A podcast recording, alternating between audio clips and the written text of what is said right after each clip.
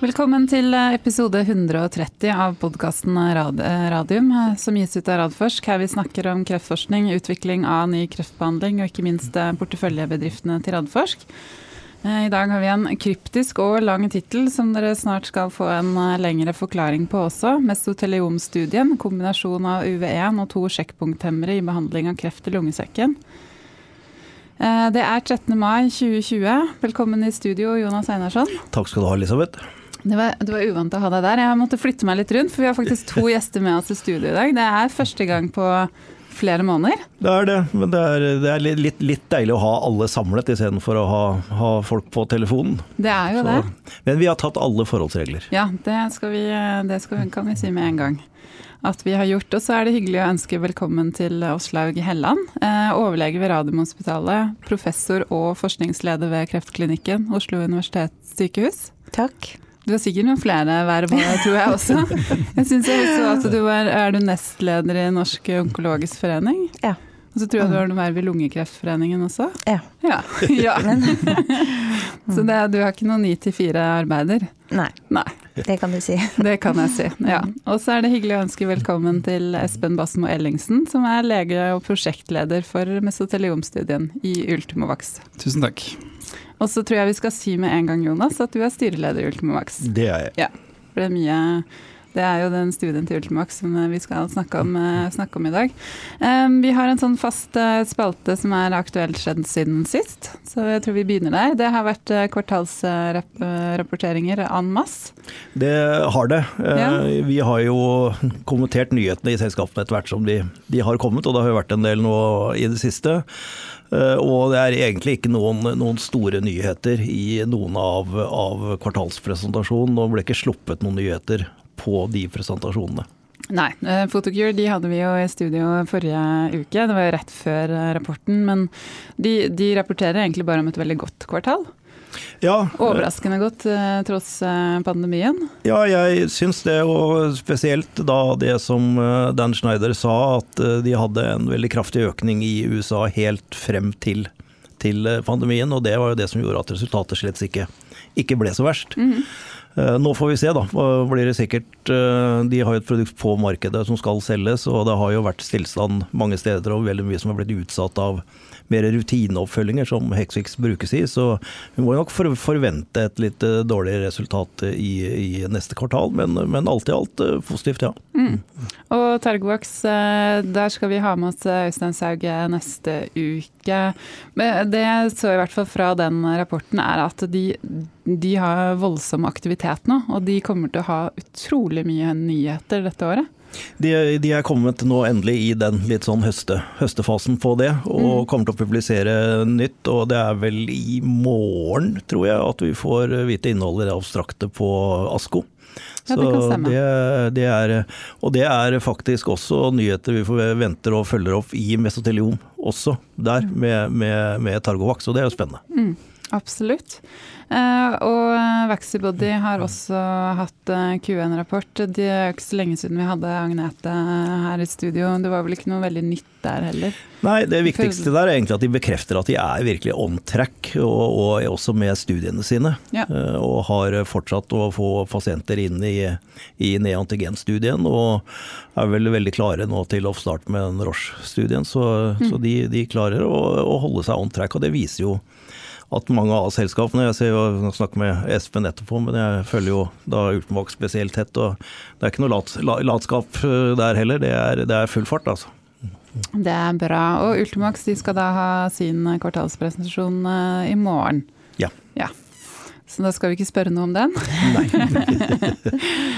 Hvis vi går mer av på skjedd siden sist i media, så har jo du er lov å kalle deg litt sånn rikssynser med hermetegn ja, nå? På koronapandemien og selskapene? Ja. Ja. Nei da, men det er jo fordi at jeg er i kontakt med så mange av selskapene at jeg får fange litt opp trendene. Og jeg har jo god kontakt med, med Åslaug og, og, ledelsen på Almsdal også, og følger jo tett opp der. Og spesielt dette med å starte opp igjen var jeg relativt opptatt av i, i den perioden. Men eh, jeg er faktisk imponert over den jobben de har gjort. altså Rigga seg til for å, å kunne starte opp igjen. Og den skal vi kalle det nedstengningen av kliniske studier det var vel fra 13.-14. mars og til et par dager etter påske, mm. Åslaug, så var dere oppe og gikk igjen. Ja, stemmer det. Det, er, det, er, det syns jeg er ganske imponerende. Det er, så det, det har gått veldig bra. Den siste du henviste der, var at jeg fikk en forespørsel fra en journalist i, i E24 e om, eh, om, kliniske studier. Og vi begynte å snakke om denne nedstengningsperioden og utfordringene med, med å finne nye pasienter. Eh, det skal vi absolutt spørre Åslaug om, om, også, fordi at jeg ser for meg at en utfordring også kan være at vi rett og slett får litt mindre tilgang på pasienter å skrine. Fordi mm. folk dessverre tror at det er farlig å gå til legen i disse dager, og det må vi jobbe med å få opp igjen, at folk virkelig går til legen. Og har de, har de noen symptomer, så må de gå. Men, eh, men, så dreide samtalen seg mer og mer inn på dette, eh, hvorfor jeg begynte å snakke om, om eh, at man må begynne å tenke litt annerledes, med, med, tanke på hvordan man gjennomfører kliniske studier. Og det, det kan du utfordre Åslaug og, og, Espen på, men jeg, jeg ser for meg at mye av det som skjer nå, kan føre til at vi faktisk blir mer effektive i fremtiden med å gjennomføre og rekruttere til, til kliniske studier. Med nettopp dette med å bruke, bruke digitalt, eh, digitale verktøy. Kanskje det er en oppfølging av en pasient kan gjøres digitalt, istedenfor at de nødvendigvis kommer inn på sykehuset. Går an å ta blodprøver hos fastlegen og sende de inn. Altså, det, det, det, er mange tiltak som kommer til. Så jeg tror kanskje at dette kan føre til at vi faktisk får en mer effektiv gjennomføring av kliniske studier i fremtiden. Og det syns jeg er spennende. Mm -hmm spør deg med en gang, Aslag. Hva tenker du om det? Jo, det tror jeg godt kan hende. Er, vi har liksom plutselig blitt eksperter i Zoom og Meet og Skype og alle de uh, plattformene. Uh, og vi har jo, akkurat når det liksom stengte ned sånn 12.13. Uh, mars, så, så, var det jo mange konsultasjoner både i studier, forskerinitierte studier da, fortrinnsvis, og i vanlig klinisk drift som ble gjort per telefon. Og jeg tror vi har jo pasienter hos oss fra, som bor i Hemsedal og langt unna. Mm. Så jeg tror mange av de syns egentlig det var veldig greit. Eh, og det føles ikke som avstanden er så stor når man kan ta opp ting og snakke om ting og ha eh, konsultasjonen da på telefon i stedet. Og så mm. tror jeg vi kommer til å få digitale, altså flere digitale løsninger som vi også kan ta i bruk. Mm. Mm. Det blir veldig spennende. Ja. Og det tror jeg også legemiddelindustrien er veldig opptatt av, mm. for det er kostnadsbesparende for dem. Mm. I tillegg til at det da går jo kjappere å få altså gjennomført studier, og hvis det da er et positivt resultat, mm. så blir det jo kjappere til markedet også. Ja. Hva, hva, tenker dere om det med litt mer sånn bruk av digitale verktøy i studier hos Ultimovax? Er det noe dere har diskutert? Mm, nei, det, som dere nevner så blir vel det mer relevant fremover. Eh, det er ikke noe vi har diskutert aktivt eh, nå. Nå er det sånn at For de store studiene som eh, vi starter opp nå, bl.a. den studien i melanom, så det, kjøres den av et, et CRO, altså av et, et, annet selskap som vi betaler for at skal drifte studien for oss. Så hvilke verktøy de eventuelt bruker, det, det kjenner jeg jo ikke til. Men det, det, er sikkert noe som blir relevant i fremtiden. Mm. Mm. Eh, I tillegg så har jo du, Åslaug, eh, du også er mye, mye intervjua i media, men denne gangen så har du vært i, i, VG med en kronikk sammen med Hege Rustnes, som jobber med på Hun er vel leder for Patologen på, på um, Radiumhospitalet? Eh, hun leder en seksjon som heter Seksjon for eksperimentell patologi, som liksom skal være med og hjelpe til at ny molekylær testing skal komme inn i rutinen. Så hun liksom skal være leder da, for å etablere nye metoder og videreutvikle disse. Så det er veldig bra. Mm. Ja. Og så har du med dere Steinar Thoresen i Merk, og så Jens Henrik Norum i Roche mm. Diagnostisk. Hva, hva, er dere, hva, er budskapet deres i kronikken? Altså I det onkologiske miljøet så har vi jo vært veldig utålmodige lenge for å få mer molekylær testing og ta i bruk de metodene som er etablert og som vi i forskningen har brukt lenge. Eh, og nå, nå, ser det ut til å løsne, heldigvis. Eh, det offentlige er veldig innstilt på det, og industrien vil gjerne være med og, og bidra. Det er klart i andre land det er naturlig å sammenligne seg med, så har industrien, altså f.eks. i Danmark, mm. gitt veldig masse penger til sekvensering av eh, svulster.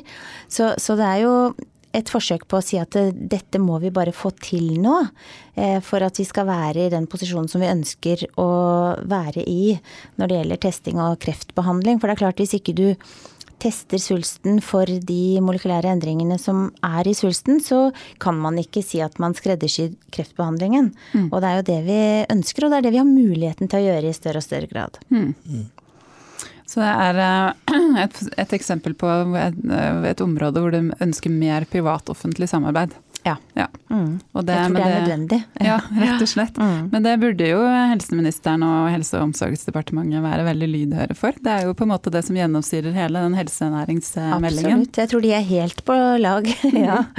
Mm, så jeg tror at alle nå liksom snakker på, i samme retning og vil det samme. Så, så jeg, jeg, nå er jeg optimist på at vi skal få til dette her. Mm. Så bra. Mm. Det gleder vi oss til å følge. Um, vi skal da som sagt snakke om mesoteliomstudien, men vi må snakke litt mer om, om uh, koronapandemien først. Um, uh, hvordan har det vært, og hvordan er det på Radiumhospitalet nå? Altså, hvordan har dere håndtert korona? Altså, dere skal jo være et koronafritt eh, mm. sykehus. Mm. Og så er det dette med kliniske studier, som Jonas nevnte. Det var stoppet en periode, men nå er dere i gang igjen. Mm. Um, ja, så altså avdeling for kreftbehandling i vårt sykehus er jo både på Ullevål og på Radiumhospitalet. Og det ble jo tidlig sagt at Radiumhospitalet skulle være koronafritt. sånn at hvis noen, noen kreftpasienter fikk påvist korona, så kunne de da få sin strålebehandling f.eks. Eh, på Ullevål i stedet. Ja. Så, og det har egentlig fungert bra. Både på Ullevål og på Radiumhospitalet er det jo sånne telt som dere har sett utenfor, der mm. alle pasientene, og egentlig alle som skal inn på sykehusene, møter noen som eh, spør om de har symptomer. Eh, alle pasientene som står på, på, på time, de blir oppringt av sykepleiere og spør hvordan har du det, har du noe forkjølelsessymptomer eller feber eller Sånn at det er, det er flere tiltak som gjør at vi tror at ikke pasienter som er smitta, kommer til sykehuset vårt. Eh, og det ser jo ut til å ha lykkes. Eh, så Og jeg tror, jeg tror, du var inne på noe i sted om at mange pasienter er redde for å komme til sykehuset, og det tror jeg er riktig, men kanskje ikke så mye nå lenger. Men de er også redde for den transporten til og fra sykehuset. Fordi, og det er jo helt reelt, ikke sant. De har kommet med sånn samledrosje eller helsebuss. Det er, det er, den type transport vi har brukt. Og det er klart det er jo vanskelig å få til nå når det har vært eh, disse reglene for hvor nærme man kan være hverandre. Så, så det er mange aspekter ved det. Eh, og det er helt riktig at eh, vi har betydelig færre henvisninger til kliniske studier nå siden 12. mars. Mm. Det merker alle faggruppene. Mm. mm. Mm. Hva tror du det skyldes? Jeg tror det skyldes både pasienter og, og helsepersonell på lokalsykehusene. At man skal reise minst mulig, man, skal, man skulle være mest mulig hjemme og mm. de tingene der. Ja. Så jeg, jeg, tror det, jeg, tror det, snur nå. Mm. Så bra. Mm. Uh, og Espen, hvordan har eh, pandemien påvirket uh, Ultimax så langt? Nei, uh, for Ultimax som et bioteknologiselskap, så har vi jo måttet rette oss etter retningslinjene fra Folkehelseinstituttet. Så vi har hatt hjemmekontor. Men jeg tror de fleste av aktivitetene har gått som de normalt ville gjort. Nå har vi vært inne på det at kliniske studier har blitt satt på vent. Eh, og det merket jo vi, for vi skulle starte opp eh, to studier da i mars. Eh, og det har vi da måttet jobbe med for at vi kan da komme i gang så raskt og smidig som mulig nå som restriksjonene lettes. Mm. Så det er veldig fint at det da gjøres det nå, da. Mm. Så bra. Um, og hva, hva, tenker vi Jeg tenkte du kunne ta en runde på alle her, få med deg også, Jonas. Hva, hva, tenker vi om den tida som kommer fremover nå? Fordi sånn som denne uken her, så nå er jo alle tilbake på skolen. Vi, mm. vi som eh, på en måte nesten bor sammen i en skole, Ullern videregående skole, merker jo det. Det er jo veldig hyggelig, men det blir mer aktivitet. Det blir mer folk som reiser med eh, offentlig transport. Eh, kanskje ikke har muligheten til å ta bilen. Eh, NHO vil jo veldig gjerne ha folk tilbake på, på jobb, eh, ikke mm. på hjemmekontor. Selv om mange av oss som har hatt litt hjemmekontor, syns det egentlig har vært ganske greit og effektivt også. Så hva, Jonas, hva kan vi forvente oss? Nei, jeg, jeg, tenker at den perioden vi er inne i nå, er jo en ny fase. Uh, nå har vi vært igjennom kall det fase én, hvor, hvor, vi faktisk har lykkes med å få kontroll og slått ned. og Nå skal vi åpne opp igjen. og så er jo da hele poenget at vi da skal vise at vi fortsatt kan ha kontroll, for dette blir jo ikke borte før, før vi eventuelt får en veldig effektiv behandling eller en vaksine, og det tar tid. Eh, og Da tenker jeg at det vi må bare fortsette å messe om ved enhver anledning nå, det er at disse grunnleggende rådene for hvordan vi nå behandler virusspredning generelt og covid-19 spesielt, eh, har vist seg å være effektiv. Ikke bare for covid-19, men vi så det jo på influensaepidemien. Den stoppa jo opp. Den var på vei nedover i, i begynnelsen av mars, litt, men vi vet jo hvordan kurvene ellers ville sett opp, og så bare poff, så var den omtrent borte. Eh, og litt forkjølelsesvirus eh, må vi regne med begynner å sirkulere igjen, spesielt blant eh, barn, barn og, og, unge. Men jeg tror prøven står ved at vi, hver enkelt av oss, fortsatt klarer å gjennomføre disse reglene med avstand og håndhygiene, som jo er det desidert mest effektive middelet mot å hindre spredning. Og jeg blir litt sånn, men du nevnte NHO og det utspillet der. og tenker jeg at det er litt kontrært, tenker jeg. Hvorfor, hvis du har et hjemmekontor som fungerer, så for all del tenker jeg hold på det i en stund fremover. Jeg har selv nå begynt å være her fysisk på tirsdager og onsdager, hvor jeg setter opp Hvis jeg har møter med bare én eller to, og er så heldig å ha et såpass stort kontor at jeg kan gjøre det, men ellers så vil jeg fortsatt fremover nå forsøke å kjøre så mye av større møter som Teams-møter og andre ting i hvert fall over sommeren. Mm. Altså, det er ikke så lang tid til sommeren, og da stenger vi jo på en måte ned allikevel. Så, så jeg tenker at nå må vi være forsiktige, mm. og ikke Jeg vil heller følge Bent Høie enn Trump. det, ja, ok. Det dilemmaet der var ikke så innmari vanskelig. ja, jeg måtte si det. Du måtte si det. Ja. Jeg er spent. Uh, nei, altså nå som vi gradvis uh, åpner opp igjen, så er det sannsynlighet for at man kan få oppblussing av nye tilfeller. Så som du sier, så er det viktig med å opprettholde de samme rutinene som man har hatt til nå. Uh, og sant, Smitteoppsporing og, og, karantene blir jo viktig, viktige verktøy også i, i fremtiden. Da. Altså jeg tror at når, Nå som vi har sett med, med, andre typer koronavirus, så er det jo en sesongvariasjon eh, blant disse virusene også. Eh, og Det er jo da naturlig at det, det, også vil være det for dette koronaviruset. Så det at vi får en oppblussing igjen er vel ikke helt usannsynlig. Og, og, vi må på en måte ikke slappe av nå. Eh, jeg tror vi på en måte må bruke den tiden vi har nå til å bygge opp sånn at vi er klare hvis det skal komme tilbakefall til høsten eller til, til vinteren. Da. Mm. Ja, er det da, Hvis det da følger sesongen, er det da naturlig at den oppblussingen skjer til høsten, vinteren? Ja, så det er det man har sett med de andre koronavirusene, som er på en måte er mer eh, endemiske for andre deler av verden. Da. Men, eh, men der er det større hyppighet i vinterhalvåret. Mm. Mm. Skjønner. Aslaug? Ja, nei, jeg tror jo at eh, dere har helt rett. At jeg, jeg, tror jo de fleste tenker at vi får en ny bølge, og at vi må opprettholde god hygiene og håndvask og og de tingene, og avstand. Ehm, det tror jeg absolutt er kjempeviktig. Mm. Når det gjelder forskningen, så, så, tenker jeg jo at det med hjemmekontor fungerer for noen, men, men det er en del labforskning som må tilbake. Mm. Ja, og vi må få opp aktiviteten for ph.d.-prosjekter, og andre ja. prosjekter de blir forsinka, og det vi har ikke noen løsning for det heller. Ja. Så så sant man kan klare å gjøre det innenfor de reglene og de rådene vi har fått, så, så tenker jeg det er viktig å, komme i gang med det. Mm. Mm. Men det tenker jeg også er et argument for at vi, vi kontorrottene, som ikke er avhengig mm. av labutstyr og avtrekkskap og en del reagenser som du ikke akkurat skal holde på med hjemme, mm. da kan vi holde oss hjemme. Så mm. kan de andre ja, Det er jeg helt enig i. Mm. Og vi så jo det i den etasjen vi sitter i, i, i Innovasjonsparken, så har vi jo både relativt mye laboratorier og en del kontorer. Og da sendte vi kontorrottene, inkludert meg selv, hjem på hjemmekontor, sånn at de som jobbet på laben skulle ha mest mulig trygge forhold det, det tror jeg er en, en god strategi. Mm. Vi får håpe at uh, Ole Erik Amlid er noe å høre på, altså. Så sender han, sender han en twittermelding etterpå. Eh, men da må vi begynne å snakke om, eh, om dagens tema, som er eh, mesoteliom og, og, den studien. Jeg tror det er kanskje mange av lytterne våre som ikke helt har oversikt over hva slags krefttype mesoteliom er, så jeg tenker kanskje vi skulle begynne der. Hva slags type er det, hvor mange rammer den, og hvordan blir man behandlet hvis man får det i dag? Begynne med deg, Aslaug, så kan ja. Espen fylle på. Det er jo heldigvis en sjelden krefttype i dag. Den var vanligere før. Det er jo en krefttype som er assosiert med bruk av asbest.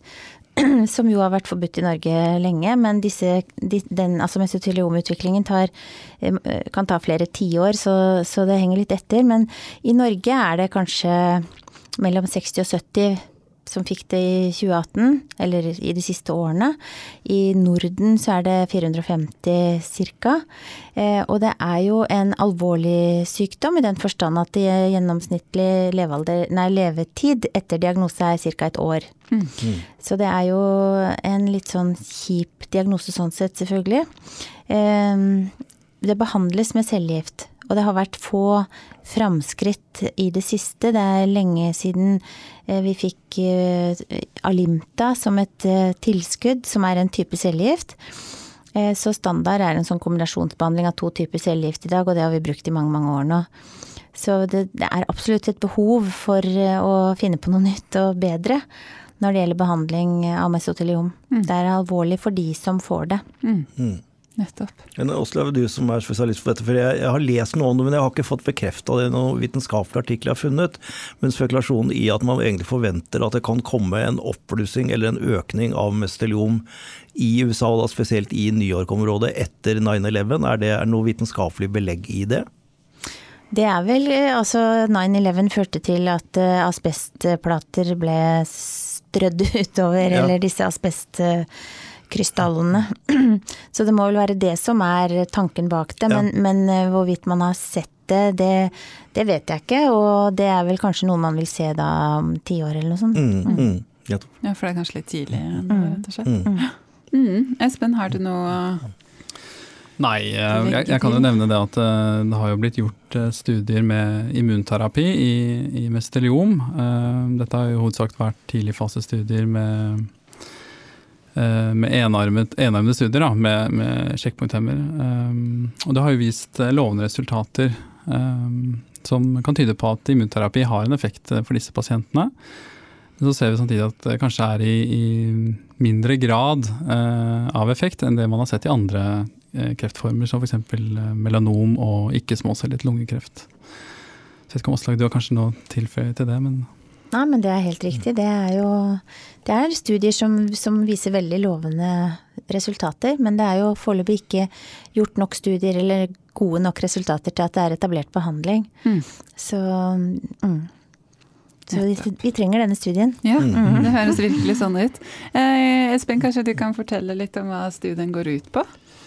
Ja, altså NIPU-studien, som den formelt sett eh, heter, eh, er da en studie med behandling med UV1, altså kreftvaksinen til Ultimax, sammen med ipilimumab og nivolumab eh, i pasienter med mesteliom som har progredert på førstelinjes standard cellegift. Så studien omfatter 118 pasienter som blir randomisert til to armer. Så dette er altså en randomisert og kontrollert fase to-studie. Så da er det da 59 pasienter i hver arm, eh, hvorav den ene armen får da tillegg av UV1 oppå da dobbel sjekkpunkthemmer. Um, og Primærendepunktet til studien er uh, progresjonsfri overlevelse. Uh, og så er det sekundære endepunkter som overlevelse, sikkerhet ved bruk av legemidlene og, responsrate.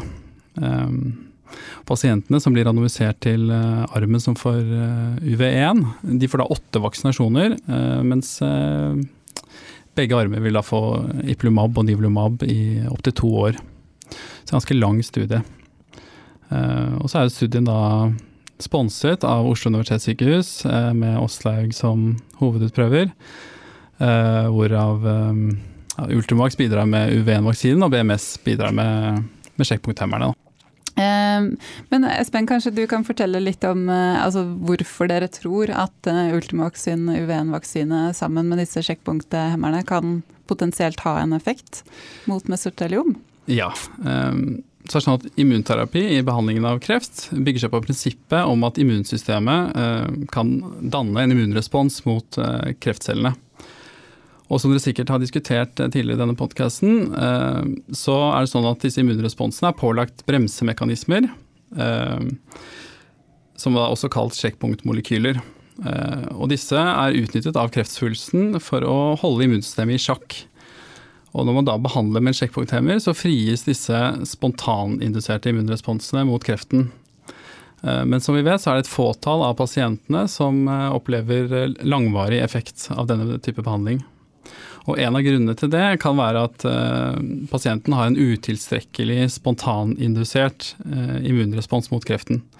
Og Det er rett og slett da at, at kreften ikke har de egenskapene som gjør at immunforsvaret klarer å gjenkjenne som fremmed eller at immuncellene mangler noen egenskaper som gjør at de ikke er i stand til å drepe mm. kreftcellene. Uh, og For disse pasientene da, med en utilstrekkelig spontan immunrespons mot, mot, kreften, så kan UV1 utgjøre en forskjell ved at det bidrar med å indusere en relevant antitumor-immunrespons, som kan igjen stimulere andre deler av immunforsvaret. Og Likevel så vil jo disse vaksineinduserte immunresponsene være begrenset av eh, de samme eh, sjekkpunktmolekylene som disse spontaninduserte immunresponsene. Og det er der kombinasjonen med vaksinen og sjekkpunkthemmerne kommer inn. For vi tror at eh, kombinasjonen av UV1, ipilimumab og nivolumab gir synergieffekter for de vaksineinduserte immunresponsene. Mm. Så selv om um, ipilimumab og nivolumab begge er uh, sjekkpunkthemmere, så fungerer de på litt forskjellig vis. Så uh, ipilimumab, som da er en CTLA4-hemmer, um, fungerer i hovedsak i, i priming-fasen av en immunrespons. Altså når, eh, når antigenpresenterende celler presenterer eh, antigener til T-cellene, og de skal aktiveres og ekspanderes. Mens, eh, mens PD1 fungerer i hovedsak når disse T-cellene ankommer tumor, og, og, blir da hemmet av PDL-en, mm. som er uttrykt av tumorcellene. Så da når du vaksinerer og induserer en vaksinespesifikk immunrespons, så vil jo da ipilimumab eh, tillate en, en eh, økt eh, aktivering og økt ekspansjon av disse vaksineinduserte T-cellene. Eh, og samtidig så vil jo da nivolumab tillate økt effekt av disse cellene når de først ankommer tumor. Så det er på en måte både en, en kvantitativ og en kvalitativ effekt eh, vi forventer. da. Uh, og dette med kombinasjonen med ipilimumab, der har vi jo det, altså, det bygger seg både på uh, på publiserte data på virkningsmekanismen til ipilimumab. Men også så har vi sett fra fase 1-studiene med UV1 i kombinasjon med ipilimumab i malignt melanom at immunresponsene kom eh, både hyppigere og, og tidligere enn eh, en i de studiene der man har gitt UV1 alene. Mm. Mm. Så eh, jeg syns det er et godt vitenskapelig rasjonale for å gjøre denne studien, og i denne kombinasjonen Uh, og det er jo viktig når man da skal utsette pasienter for uh, utprøvende behandling. Mm. Mm. Men du er jo uh, hovedutprøver på denne studien, Åslaug. Og dette er jo også en studie som skal gå i mange land. Mm. Uh, nå husker jeg ikke, det er fem, fem, forskjellige land. Nordiske land og Australia. Mm. Husker jeg riktig? Ja, stemmer det. måtte grave virkelig ja, ja, ja. ja. Um, kan ikke du, det er så sjelden vi har hatt klinikere her i studio som har snakket om altså, hva, hva, man gjør i en rolle som en hovedutprøver. Kan ikke du fortelle litt om det, altså bruke den studien her som, som eksempel?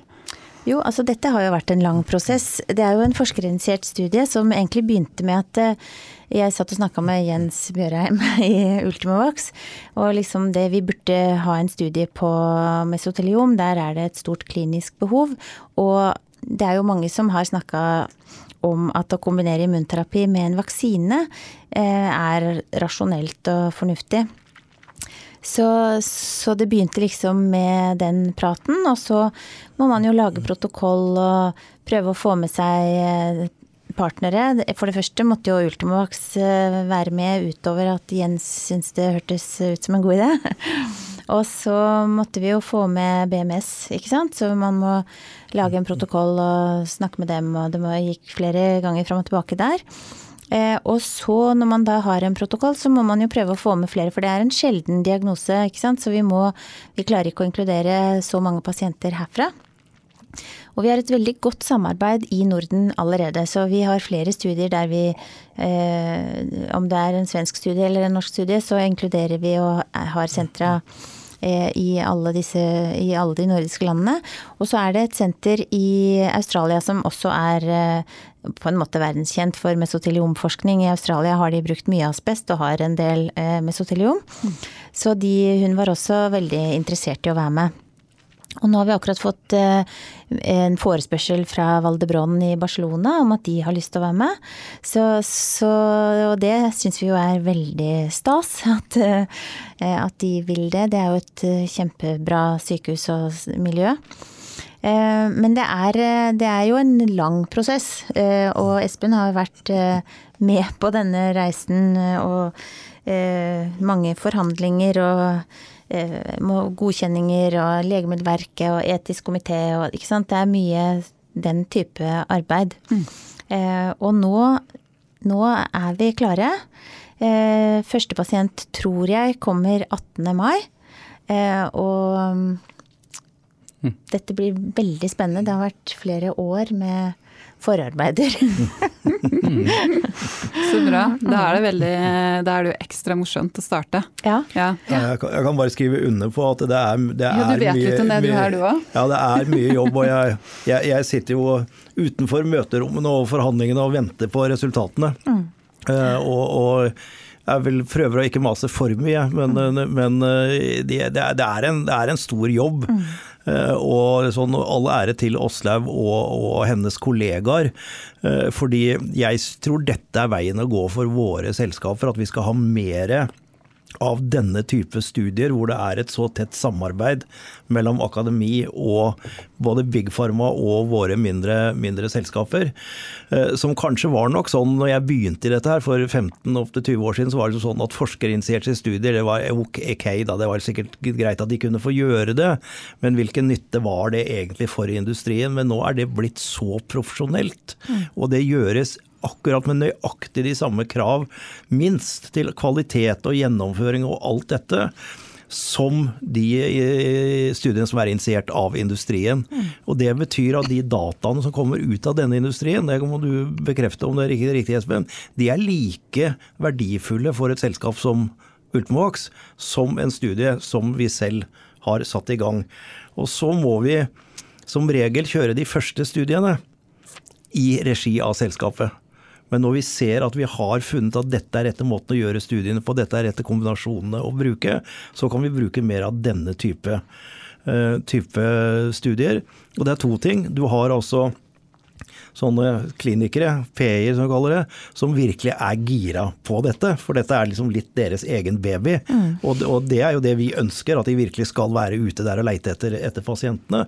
Så dette blir en sånn vinn-vinn-situasjon. Og det du forteller om Barcelona er jo veldig morsomt òg, da. Mm. Og det er enten at dette har spredd seg på en måte i miljøet, at nå kommer det en spennende studie der, eller at de rett og slett har lagt den ut på clinicaltrial.gov, ja. og så er det noen som ser den og sier mm. wow, dette har jeg lyst til å være med på. Mm. Og, og, det er jo moro, da. Mm. Det er veldig gøy. Mm. Jeg tror kanskje fordi lytterne våre er ikke så vant til begrepene forskerinitierte studier kontra de studiene vi ofte snakker om, som er mer industriinitierte studier. Kan du forklare litt forskjellen? Altså Forskerinitierte studier, da er det jo på en måte at det er en forsker, sånn som i dette tilfellet, så var det jeg som tar initiativet, øh, og som har ansvaret, på en måte, da. Det er ikke sånn at man får en protokoll fra et firma og sier ja, dette kan vi være med på, og så gjør de alt. Det er egentlig sånn at eh, vi da gjør eh, den jobben, og så er vi helt avhengige, for det er jo utrolig mye som koster penger.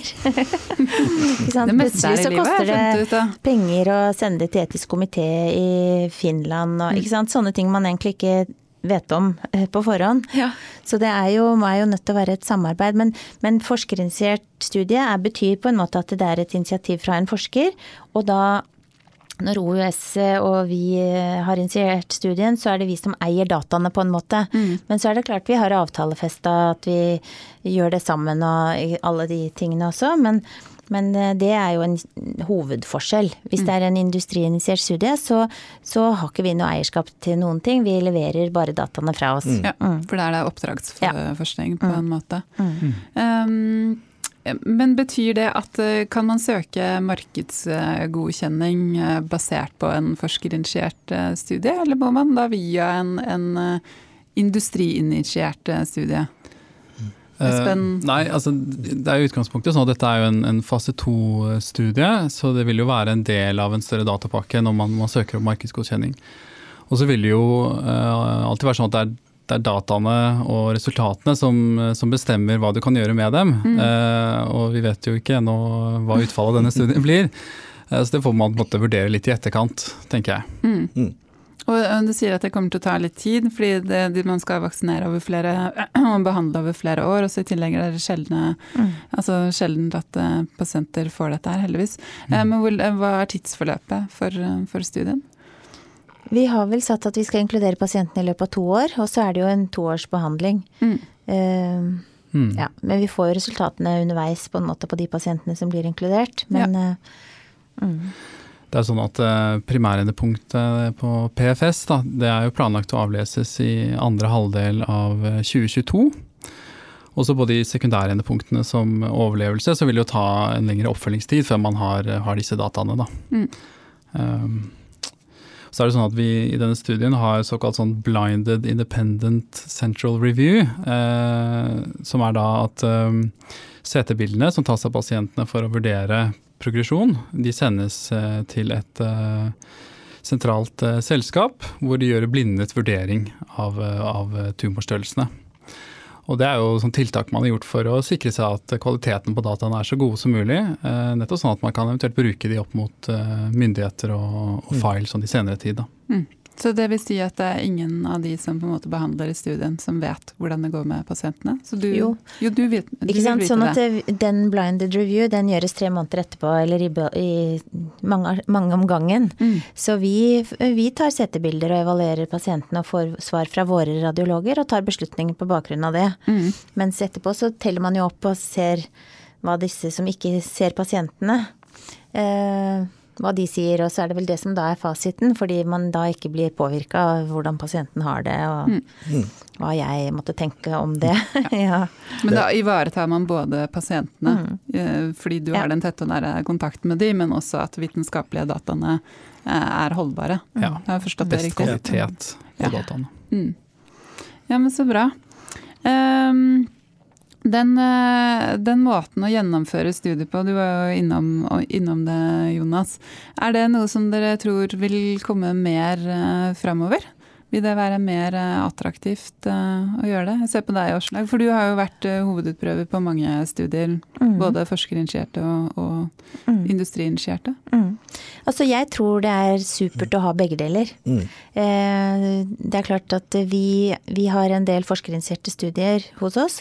Eh, og eh, vi har en del industriinitierte eller oppdragsstudier. Eh, og de, det er klart man, Oppdragsstudiene gir inntekter, eller mm. de gir på en måte et budsjett og vi kan ansette studiesykepleiere og sånne ting.